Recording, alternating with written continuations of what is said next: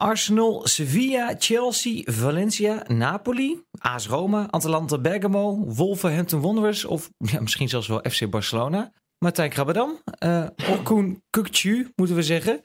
Waar voetbalt die komend seizoen? Nou, Barcelona is wel nog een brug te ver hoor.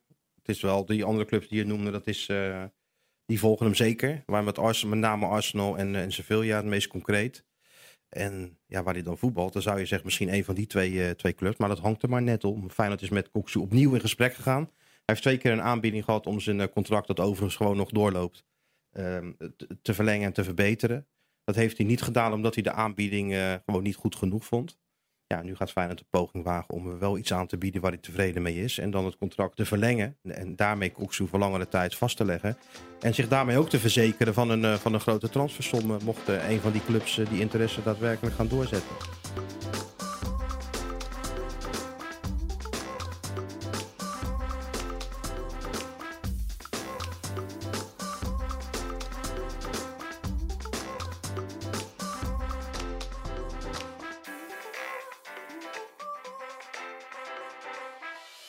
Welkom bij Scorebord Journalistiek, de podcast van Voetbal International. Nou, je hebt hem al gehoord, Martijn Krabbedam. We weten al dat het een ontzettend goede voetballer is. Jongens, 19 jaar volgens mij. Uh, enorm veel potentie. Maar dat getrek aan hem de laatste weken. Althans, wat wij horen, wat wij lezen. Wat doet dat met zo'n jongen? Heb ik hem gevraagd. Ik ben bij hem geweest. En uh, ja, ik zeg, je bent 19 jaar. Er is natuurlijk heel veel interesse van, uh, van clubs. Het is ook geen geheim dat die uh, interesse er ook, ook, echt is. Want ja, je kunt wel zeggen van zaakwaarnemers gooien dat in de wereld om een speler goed in de markt te zetten. Maar in dit geval van Koksu weet, weet, ik gewoon 100% zeker dat Arsenal en, en Sevilla echt concreet zijn. Ik bedoel, um, zijn entourage, om dat zo te noemen, is in Sevilla geweest. Heeft een rondleiding van Monchi gehad. Hetzelfde geldt in, uh, in, in, in Londen met, uh, met Arsenal. Gewoon zoals dat gaat. Hè. Met clubs nodigen dan uh, mensen uit om eens te komen kijken en, en, en te praten. Nou ja, dat is natuurlijk nogal wat als je, als je 19 bent. En je bent eigenlijk bezig aan je eerste seizoen in de, in de Eredivisie als basisspeler. Maar hij is volkomen nuchter. Hij is, wordt vertegenwoordigd door zijn vader. En hij zegt, ja, wat kan, hoe, hoe kan ik in de war zijn als mijn vader mijn zaken behartigt? Hè? Die heeft het beste met mij voor. Dus ik kan het helemaal loslaten, me concentreren op voetbal. En dan weet ik wel dat uiteindelijk waar mijn vader dan mee komt, dat dat voor mij het, het beste is. En dan heeft hij er uiteraard natuurlijk zelf ook wat over te zeggen. Maar hij hoeft niet bang te zijn dat er uh, zaakwaarnemers met hem op de loop gaan. Of, uh, of trucjes uithalen of andere gekkigheid proberen. Want ja, zijn vader is, is degene die het beste met hem voor heeft. En die ook dat soort zaken voor zijn rekening neemt. En ook zorgt dat zijn zoon daar gewoon geen last van heeft. Ja, je zegt al, je bent bij hem thuis geweest. Mm -hmm. uh, kun je die setting even meenemen? Want wij denken altijd, uh, interviews met voetballers, 9 van de 10 keer is dat op een voetbalclub in een ja, muf zaaltje waar je dan even met een jongen mag zitten. Uh, nu komt best een jongen thuis. Volgens mij krijg je een heel andere sfeer dan ook voor een verhaal, of niet? Ja, het is wat uh, voor, voor zo'n jongen wat vertrouwd. Ja, ik heb het ook nooit moeite mee om bij een club te interviewen of zo hoor. En, maar dit, in dit geval, ja, hij is thuis en, en iedereen die thuis is voelt zich wat, wat meer op zijn gemak misschien. En uh, ja, dat is dan de setting. Je zit op de bank en je praat wat, eigenlijk zoals wij nu, uh, nu zitten te praten. En een lekker kopje Turkse thee erbij. Hè, enorm gasvrij, dat is natuurlijk ook, uh, ook altijd zo. Dus, dus hapjes, een kopje Turkse thee, wat ik net zeg. Ja, dan verandert de sfeer wel een beetje. En dan praat je eigenlijk gewoon over de normale dingen. En ook over de, zijn contract bijvoorbeeld. En zijn angst dat hij misschien wordt neergezet als een, als een geldwolf en dat soort, dat soort zaken. Daar is hij dan wel mee bezig omdat uh, als een jonge speler zeurt over een contract, of zeurt, in ieder geval niet uh, direct ingaat op de eerste aanbieding van de club, is de kans natuurlijk groot dat je voor de buitenwereld meteen wordt neergezet als een geldwolf van iemand die, uh, die niet tevreden is en die meer en meer en meer wil. Nou ja, hij heeft geprobeerd uit te leggen dat dat in zijn geval absoluut niet speelt, maar dat het gewoon te maken heeft met, met andere dingen. Nou, daar heeft hij de tijd voor genomen, omdat hij wel wilde dat het op een goede manier zou gaan gebeuren. Maar ik vind het een interessant punt dat je aanstipt. Want uh, Feyenoord heeft al tot twee keer toe volgens mij een aanbieding gedaan. Ja. Daar heeft de familie dan nee tegen gezegd. Zijn vader als degene die me geleid ja, en hij zelf, en hij zelf uiteraard. Ja. Um, en ik heb, ik heb het verhaal gelezen wat jij voor uh, de VI van deze week hebt geschreven. Ik krijg totaal niet de indruk dat die jongen nu bezig is met... ik moet zo snel mogelijk miljonair worden. Nee. Totaal niet. Nee. Maar uh, kun jij die uh, dynamiek in de kleedkamers uitleggen? Want ik heb toch de indruk dat het daar vooral ja, om daar gaat. gaat het ook om. Um, Kijk, die eerste aanbieding van Feyenoord die was nog voor corona. En uh, dat was rond het bedrag wat Kelly verdiende. Liam Kelly, dat is natuurlijk ook een fenomeen op zichzelf geworden. Die geloof ik één keer meegedaan. Maar die verdiende een dusdanig salaris. 6,5, rond de 6,5 ton, iets minder geloof ik. Ja, dat, dat, dat is als een soort, wat ik eerder al had gezegd, als een soort minimumloon gaan gelden voor iedereen die ook maar met, met Feyenoord praat over een contract. Dus dan moet je de situatie van Kuksu voorstellen. bij FC Groningen begonnen, naar Feyenoord gegaan op iets latere leeftijd in, in, in zijn jeugd. Maar heeft daar de opleiding afgemaakt en is in het eerste elftal gekomen. Is nu onder, onder Jaap Stam en later Dick Advocaat basisspeler geworden. De rest van hem van, van clubs uit, uit Europa. Advocaat is, is gek van hem. Die zet hem bij wijze van spreken als eerste op het formulier. Feyenoord wil die ontwikkeling belonen. Want in, in, feite hoeft dat niet, maar hij heeft nog een doorlopend contract. Maar, 2023 ja, maar de club ziet natuurlijk ook wel, ja, deze speler gaat zo hard. En, en daar moeten we natuurlijk wel ook wel iets mee doen. Ook als we hem ooit willen verkopen. Hè, dan moeten we wel in staat zijn om echt een goede transfersom te kunnen vragen. Dus voor alle partijen zou het gewoon handig zijn als, eh, als die verbetering en verlenging erbij, als, als die er komt. Ja, en dan uh, krijgt hij die aanbieding. En dat ligt dan op het bedrag van ongeveer wat Kelly kreeg. Ja, dat is voor een speler best veel geld natuurlijk als je 19 bent.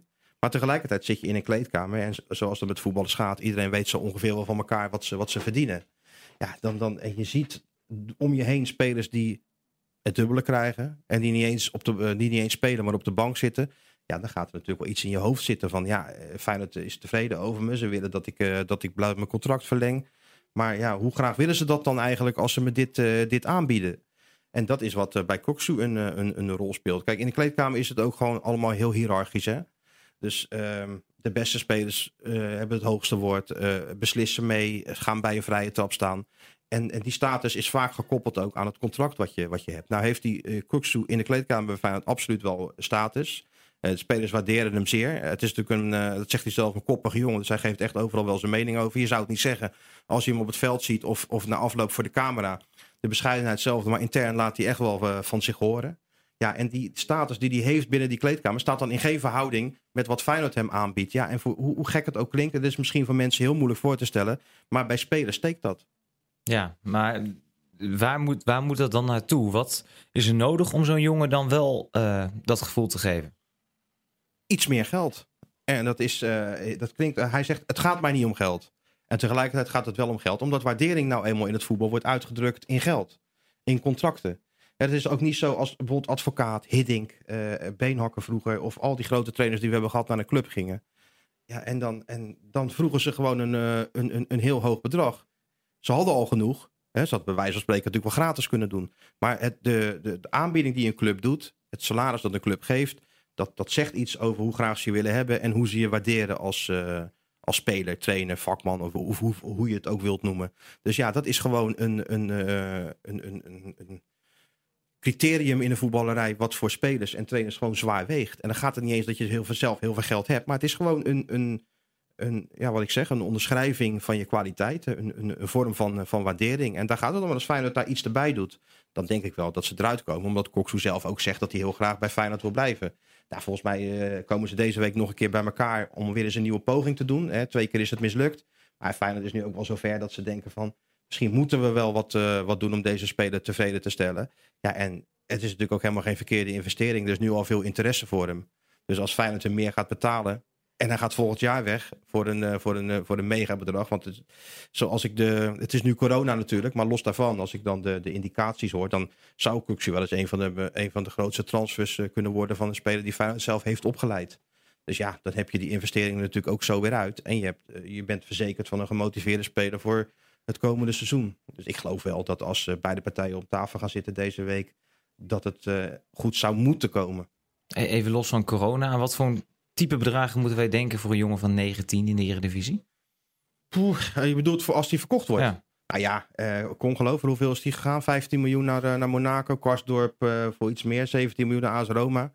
Ja, als Koksu zich zo blijft ontwikkelen. En het is ook een middenvelder. En hij gaat ook wat meer scoren. Misschien komen we daar later nog over te spreken. Maar dat is natuurlijk wel een belangrijk punt. Ja, dan heeft hij wel een, een, een, een breed pakket. En dat maakt hem interessant voor clubs die nu al op de loer liggen. Dus kun je nagaan als hij nog een jaartje zich verder ontwikkelt. Um, en wie weet gaat hij met Turkije de Nations League spelen. Uh, hij maar gaat wat doelpunten maken. Ja, dan schiet die, uh, die waarde natuurlijk wel omhoog. Precies. Als we dan toch even hebben over, je hebt het over doelpunten maken. Mijn vraag is wel, na één volledig seizoen, hoe goed is hij? Weet je, zegt, ik advocaat zet hem vrijwel direct op het wedstrijdformulier. Uh, Jaap Stam gaf hem eigenlijk begin van seizoen de kans. 19 jaar, hoe, de kunnen we vergelijken met andere spelers uit het verleden bij Feyenoord? Ik vind dat moeilijk. Ik vind dat moeilijk. Omdat ik één keer een, uh, een speler heb zien debuteren bij Feyenoord. Waarvan je meteen wist, dat wordt gewoon echt een grootheid. Dat was Van Persie. En daarna eigenlijk niet meer. En Koksu is wel een speler. Maar dat was Filene ook. Die debuteerde toen hij 16 was. Uh, dat je dacht van, ja, dat kan wel een hele goede voetballer worden. Dat zie je bij Koksu natuurlijk ook. Ik kan me zijn debuut herinneren uit bij M op dat kunstgras. Met, met Steven Berghuis in de kleine ruimte. Ja, dan kon je wel zien dat deze speler gewoon goed kon voetballen. Maakte geloof ik gelijk ook een, uh, ook een goal. Daarna is die ontwikkeling wat gestagneerd. Maar dit seizoen inderdaad, onder Eerstam en Advocaat, gaat het hard. En dit, dit soort spelers kan natuurlijk alleen maar beter worden hoe meer ze spelen.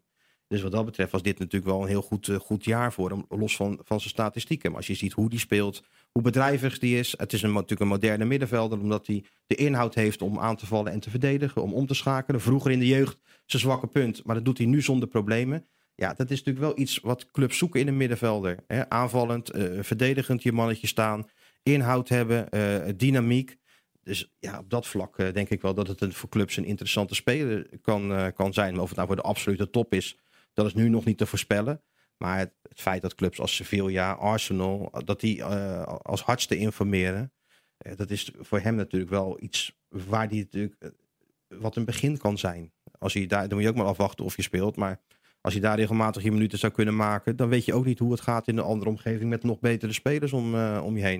Maar het is voor later. Nogmaals, de intentie is om bij Feyenoord te blijven, om nog één goed jaar te spelen. En om ook aan zijn statistieken te werken. Want ja, als je echt weg wil, als je echt naar Europa wil, moeten die natuurlijk wel omhoog. Ja, maar je stipt dat al aan. In het interview ging het er ook even over. In de jeugd schijnt hij aan de lopende band gescoord te ja, hebben. Zeker. Zoals topscorer geworden in, in zijn uh, jeugdhelftal. Ja, ja, maakte hij er 17 of meer. Ja. En, en dit seizoen 2. Dat is dus te weinig. Dat is te weinig. Ik heb het natuurlijk ook gevraagd aan hem. Ik zeg, hoe kan het nou dat, uh, dat je zo weinig heeft gescoord? En hij zegt, hij zegt, ja, het is wel grappig, want eerste training van Dick Advocaat kwam hij naar me toe. En ik had twee keer niet gespeeld hè, onder Stam. Stam had me wel de kans gegeven, maar toen het slechter ging met Feyenoord, Utrecht thuis, uh, Ajax uit, toen, toen uh, zat hij op de bank. Toen kwam advocaat, moesten ze naar VVV Venlo. En hij was benieuwd van, ja, wat gaat de nieuwe trainer met me doen? Maar die gaf hem een hesje bij de laatste training. En uh, dit liep zo langzaam. Die zei tegen Koksu van middenvelder van Feyenoord, één goal. Dat kan natuurlijk niet. Hè? En ja, ja, Koksu keek een beetje naar de grond. Verlegen zoals hij dan is. Hij wist natuurlijk ook wel dat dat, dat, dat niet kon. En, en, en hij is natuurlijk afgelopen seizoen in zoveel wedstrijden in posities gekomen dat hij had kunnen scoren. Of had kunnen schieten en ook wel schoot. Of de keeper pakte hem of hij ging mis. Dus hij kwam wel in positie. Alleen die bal die ging er niet in. Dus hij heeft zich de afgelopen weken afgevraagd hoe dat nou kan. Want die, die goals zijn even groot. Uh, de, de, het veld is even groot. De bal is even rond. Dus ja, er moet toch iets zijn. En toen ineens, tijdens een van de laatste trainingen, kwam die schoten te, te binnen. Zei die, het, het is gewoon de keepers. Dus in de jeugd zijn keepers natuurlijk niet zo ervaren als in de eredivisie. En als hij in de jeugd schoot, ja, keepers die, eh, die reageren te laat goal. Maar in de eredivisie doen keepers een stapje naar voren, een stapje opzij. Uh, zijn natuurlijk zo ervaren, die kunnen spelers lezen op de manier hoe ze schieten. Dus ja, de ervaring van de keepers uh, zorgde ervoor dat ze net wel die bal uh, konden pakken. En als hij dat een beetje verhulde of een beetje iets anders schoot of, of iets harder. Dus daar is hij aan gaan werken. En hij merkte tijdens de laatste week van uh, de laatste trainingsweek van Feyenoord, waarin ze natuurlijk geen, niet echt partijspelen spelen konden doen, maar wel heel veel afwerkvormen. Dat het steeds beter ging, die manier van, van afwerken. En hij zegt ook van ja, ik heb het verleden bewezen dat ik een doelpunt kan maken. nu heb ik ook het gevoel dat ik weet wat ik moet doen. Dus het kan niet anders alsof ik er volgend jaar meer gaat maken. En een speler als een middenvelder van Feyenoord op zijn positie moet toch, vindt hij zelf, tot 7 tot 8 goals kunnen maken per jaar. Ja, ik vind het wel mooi, die jongen is 19 jaar en die vaak moet de trainer zoveel dingen voorzeggen. En, en advocaat kan inderdaad zeggen van dat statistieken niet goed zijn, maar hij is dus zelf gaan nadenken, hij is zelf gaan kijken en hij is zelf met antwoord gekomen. Ja, het frustreert natuurlijk als jij altijd heel je leven hebt gescoord. In de jeugd was je, in het laatste jeugdjaar was je gewoon topscorer, je maakte 17 goals. Uh, bijna elke bal die je op doel schoot, die ging erin. Ja, en dan kom je op het hoogste niveau. En dan ineens staan daar keepers die alles pakken. Ja, dat is natuurlijk een verschil. En keepers is natuurlijk vooral een ervaringsvak. Dus ik, ik geloof wel als hij zegt dat keepers met een stapje naar voren, een stapje naar links, uh, goed kijken naar die, hoe, hoe, ze, hoe iemand aanlegt. Ja, dat ze daar wel goed kunnen op anticiperen. En dan uh, ballen pakken die jeugdige keepers niet pakken. En dat vraagt dus iets van een, van een, van een jonge speler. Hij zegt ook, als je, als je op een goede keeper afwerkt, dan moet je in feite naast de paal mikken. Hè? Om te zorgen dat die bal met een beetje effect dan toch binnenvalt. Omdat ze zijn zo atletisch, zo goed, zo snel. Dus je moet ze eigenlijk daarmee verrassen. Alles tussen de palen heeft zo'n keeper. Dus ja, dat dwingt hem ook tot nadenken en een andere manier van, uh, van afronden. Ja, nu las ik in je verhaal ook dat hij wat uh, aanleg heeft om wat zwaarder te worden. En dat hij uh, wat dat betreft een probleem heeft, want hij wordt thuis nog wel aan de watten gelegd. Ja, ze, ze, ze hebben een, een, oudere broer. Dat is ook zijn beste vriend. En, en ja, die mist hij ook heel erg. Die zit, speelt in, in Azerbeidzjan. Dus dat contact is via FaceTime. Maar dat zorgt er wel voor dat hij thuis natuurlijk de enige is. Met zijn vader en zijn moeder. En ja, wat ik net zeg, het is een hartstikke gastvrije familie. Als ik er was, je, thee en hapjes en dingen. Die krijgt hij natuurlijk ook s'avonds. Ja, en ik hoef niet uh, bij Feyenoord te spelen, maar hij wel. En hij heeft zegt ook dat hij de aanleg heeft om wat, wat zwaarder te worden. Dus hij is daar ook mee echt aan de slag gegaan. Bij Feyenoord is de begeleiding al, uh, al top, vindt hij. Maar hij wil nog wat extra's doen. Omdat hij natuurlijk wel voelt dat fitheid, eh, dat dat een belangrijk iets is als hij de, de, top wil halen als voetballer. Dus hij werkt nu met een, met een, uh, een personal coach, een personal trainer. Om als Feyenoord die traint toch een uurtje nog wat aan zijn stabiliteit, core, kracht, dat soort dingen te werken. En hij heeft een diëtist uh, in, in, in de hand genomen. Daar is hij via Wouter Burger aangekomen. Dat is een van zijn beste vrienden. die heeft afgelopen seizoen op huurbasis bij gespeeld. Keert nu terug bij Feyenoord. En is ook met die, die diëtist aan de slag gegaan. Alleen de Burger, ja, dat was een soort draadnagel. Die moest juist spieren erbij krijgen. Dus dat vereiste bij hem weer een soort andere aanpak. Maar die jongen is wel zo ongelooflijk sterk geworden dat hij bij de testen nu bij Feyenoord bij de betere spelers zit. Hij is echt sterker geworden. En Kuxi op zijn beurt kon wat kilo's kwijt en, en die voelt zich ook eh, steeds fitter. En dan gaat het gewoon heel simpel. Hij gaat trainen. Hij appt met zijn diëtist. joh, ik ga vandaag trainen, dit en dat. Wat moet ik doen? Nou, die krijgt dan terug. Drink dat, neem die pil. Eet na de training dat en s'avonds nog dit. En, en dan moet het goed komen. En, en inderdaad, hij houdt zich aan dat regime. En hij voelt zich uh, fitter dan ooit. En het is het beste te, te bepalen door te kijken naar vorig jaar. Nou, als hij dan speelde onder, uh, onder Van Bronckhorst en, en later, en, later nee, eigenlijk onder, alleen onder Van Bronckhorst was het na 70 minuten ging het kaasje wel op. En dit jaar, zeker onder advocaat, ja, kan hij gewoon tot de laatste minuut vol gas geven. Het mooiste voorbeeld was PSV uit. Misschien was zijn beste wedstrijd. Ja, daar ging het tot de laatste minuut gas. Om proberen nog die winnende goal te maken. Ja, en als je dat kunt opbrengen, dat is voor een speler natuurlijk wel prettig dan als je kramp krijgt na, uh, na 70, 70 minuten. Maar als ik je zo beluister, komt hij ook niet met te veel overgewicht op de eerste training bij Feyenoord aan? Nee, want ze hebben... Uh, kijk, en advocaat is natuurlijk slim. Uh, die nam het over van Stam in een periode dat de spelers van Feyenoord ja, net weer iets fitter waren. Kijk, Stam had natuurlijk de pech, begin van het seizoen, dat er veel nieuwe spelers kwamen. Nauwelijks gespeeld jaar daarvoor. Dus die moesten allemaal nog in het ritme komen. En dat is, is dat ritme van trainen nog iets anders dan wedstrijdritme. Dus dat kostte natuurlijk gewoon een aantal maanden. Nou, toen ze eindelijk weer een beetje eh, op niveau waren, kwam advocaat. En die heeft natuurlijk een andere manier van trainen erop losgelaten. Korte, intensieve vellen. Ja, en dat zorgde dat de meeste spelers ook wel echt, uh, echt fit werden. En door die fitheid kon Feyenoord uh, die serie neerzetten die ze hebben gedaan. En advocaat zegt nu, als wij gewoon zorgen dat we vanaf de eerste dag in de voorbereiding gewoon topfit zijn. Ja, dan kunnen we gewoon doortrekken waar we het uh, afgelopen seizoen mee zijn uh, geëindigd. Hè. Dan zeg ik niet dat, dat ze alle wedstrijden winnen, maar wel dat ze tot de laatste minuut gas kunnen geven, Feyenoord. Nou, dat is ook de intentie. En daarvoor heeft elke speler van Feyenoord natuurlijk ook gewoon een schema meegekregen met uh, zoveel moet je wegen op de eerste training, vetpercentage en al, ja, je kent al het gedoe wel. En daar moeten spelers zich aan houden. En dan is het aanvangsniveau van trainen natuurlijk wel gelijk heel hoog. En dat is wat advocaat voor ogen heeft met, met Feyenoord. Sowieso fit worden is min of meer dezelfde selectie die, de, die er staat. Zeker als Ver en Bottekin ook nog gaan verlengen.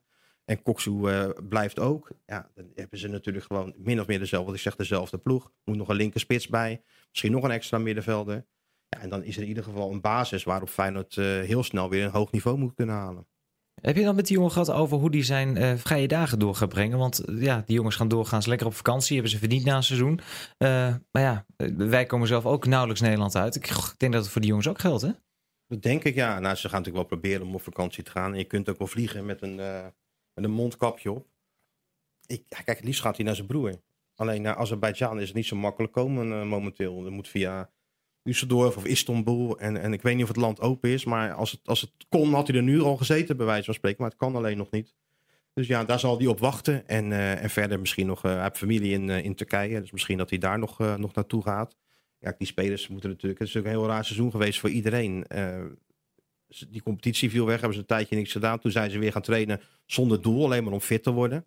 Maar hij vertelde wel dat uh, bij Feyenoord die trainingen die eigenlijk um, in het teken stonden, niet van een wedstrijd, maar om fit te blijven, dat die wel van, van, van hoog niveau waren. En dat er zwaar werd, uh, werd getraind. Dus ik heb dat eens gecheckt bij advocaat. Ja, en die is eigenlijk verbaasd van hoeveel gas die spelers gaven tijdens de training, hoe intensief ze trainden ja, nu de training officieel voorbij zijn, eh, gaat er nog een groepje door. Dus ja, ze hebben dat voetbal blijk, klaarblijkelijk wel echt gemist. En, en, en hunkeren daadwerkelijk naar het begin van, de, van de voorbereiding. Omdat bij Feyenoord toch iets af... Het voelt toch een beetje onafgemaakt. Dat heb ik hem natuurlijk ook gevraagd. Het afgelopen jaar, nou ja, jij weet zelf, uh, advocaat kwam toen ze 12 stonden, 15 punten achterstand. Nou ja, vlak voor corona was het gat 6 met op het programma nog uh, Ajax thuis en AZ uit. Dus ik vroeg ook aan Koksu van, uh, hoe leefde dat nou in die groep? Want ja, de spelers zeggen, nou, we hadden toch niet gedacht. Misschien kampioenschap een brug te ver. Hè? Berghuis zei het nog, zes punten is toch een hoop met nog ook het doelsaldo erbij opgeteld. Maar Koksu zei wel dat intern in, in de groep, hè, onderling bij die spelers, ja, de leverde toch wel uh, dat, dat, dat ze voor die stunt wilden gaan. Want ja, het was toch de, ja, de stunt van het jaar geweest gewoon. Of sterker nog, misschien wel van de eeuw. Als je komt van de twaalfde plaats, 15 punten achterstand. En, uh, en je, je wordt toch kampioen, die wint de beker. Ja, nogmaals, hij zegt ook niet of het hij weet ook niet, natuurlijk niet zeker of het was gelukt. Maar ze gingen er wel voor. En ze voelden ook geen enkele druk. Want die lag natuurlijk niet bij Feyenoord, maar die lag echt bij, uh, bij vooral Ajax. En ja, dat, dat, de mondsnoeren van, uh, van criticasters, dat is ook wel iets wat natuurlijk spelers graag willen. En, en, en ja, dat hadden ze toch graag willen doen met een niet meer verwachte titel. Dat leefde echt in die, in die groep. Dus dat was wel, dat vond ik nog wel aardig om te horen. En dat zegt ook wel iets over de, de honger die er nog steeds is bij, bij Feyenoord. Omdat ze natuurlijk echt hebben gevoeld dat ze met die huidige selectie in ieder geval een heel eind kunnen komen in de strijd met AZ, Ajax en PSV. We gaan het zien als, het, uh, als de bal weer rolt. Uh, tot slot de vraag. Je hebt hem tussendoor al drie keer beantwoord volgens mij. Dus ik denk dat ik het antwoord weet. Speelt Kokchu volgend jaar nog bij Feyenoord, Martijn? Ja, ik denk het wel. En ik denk gewoon omdat hij dat zelf wil.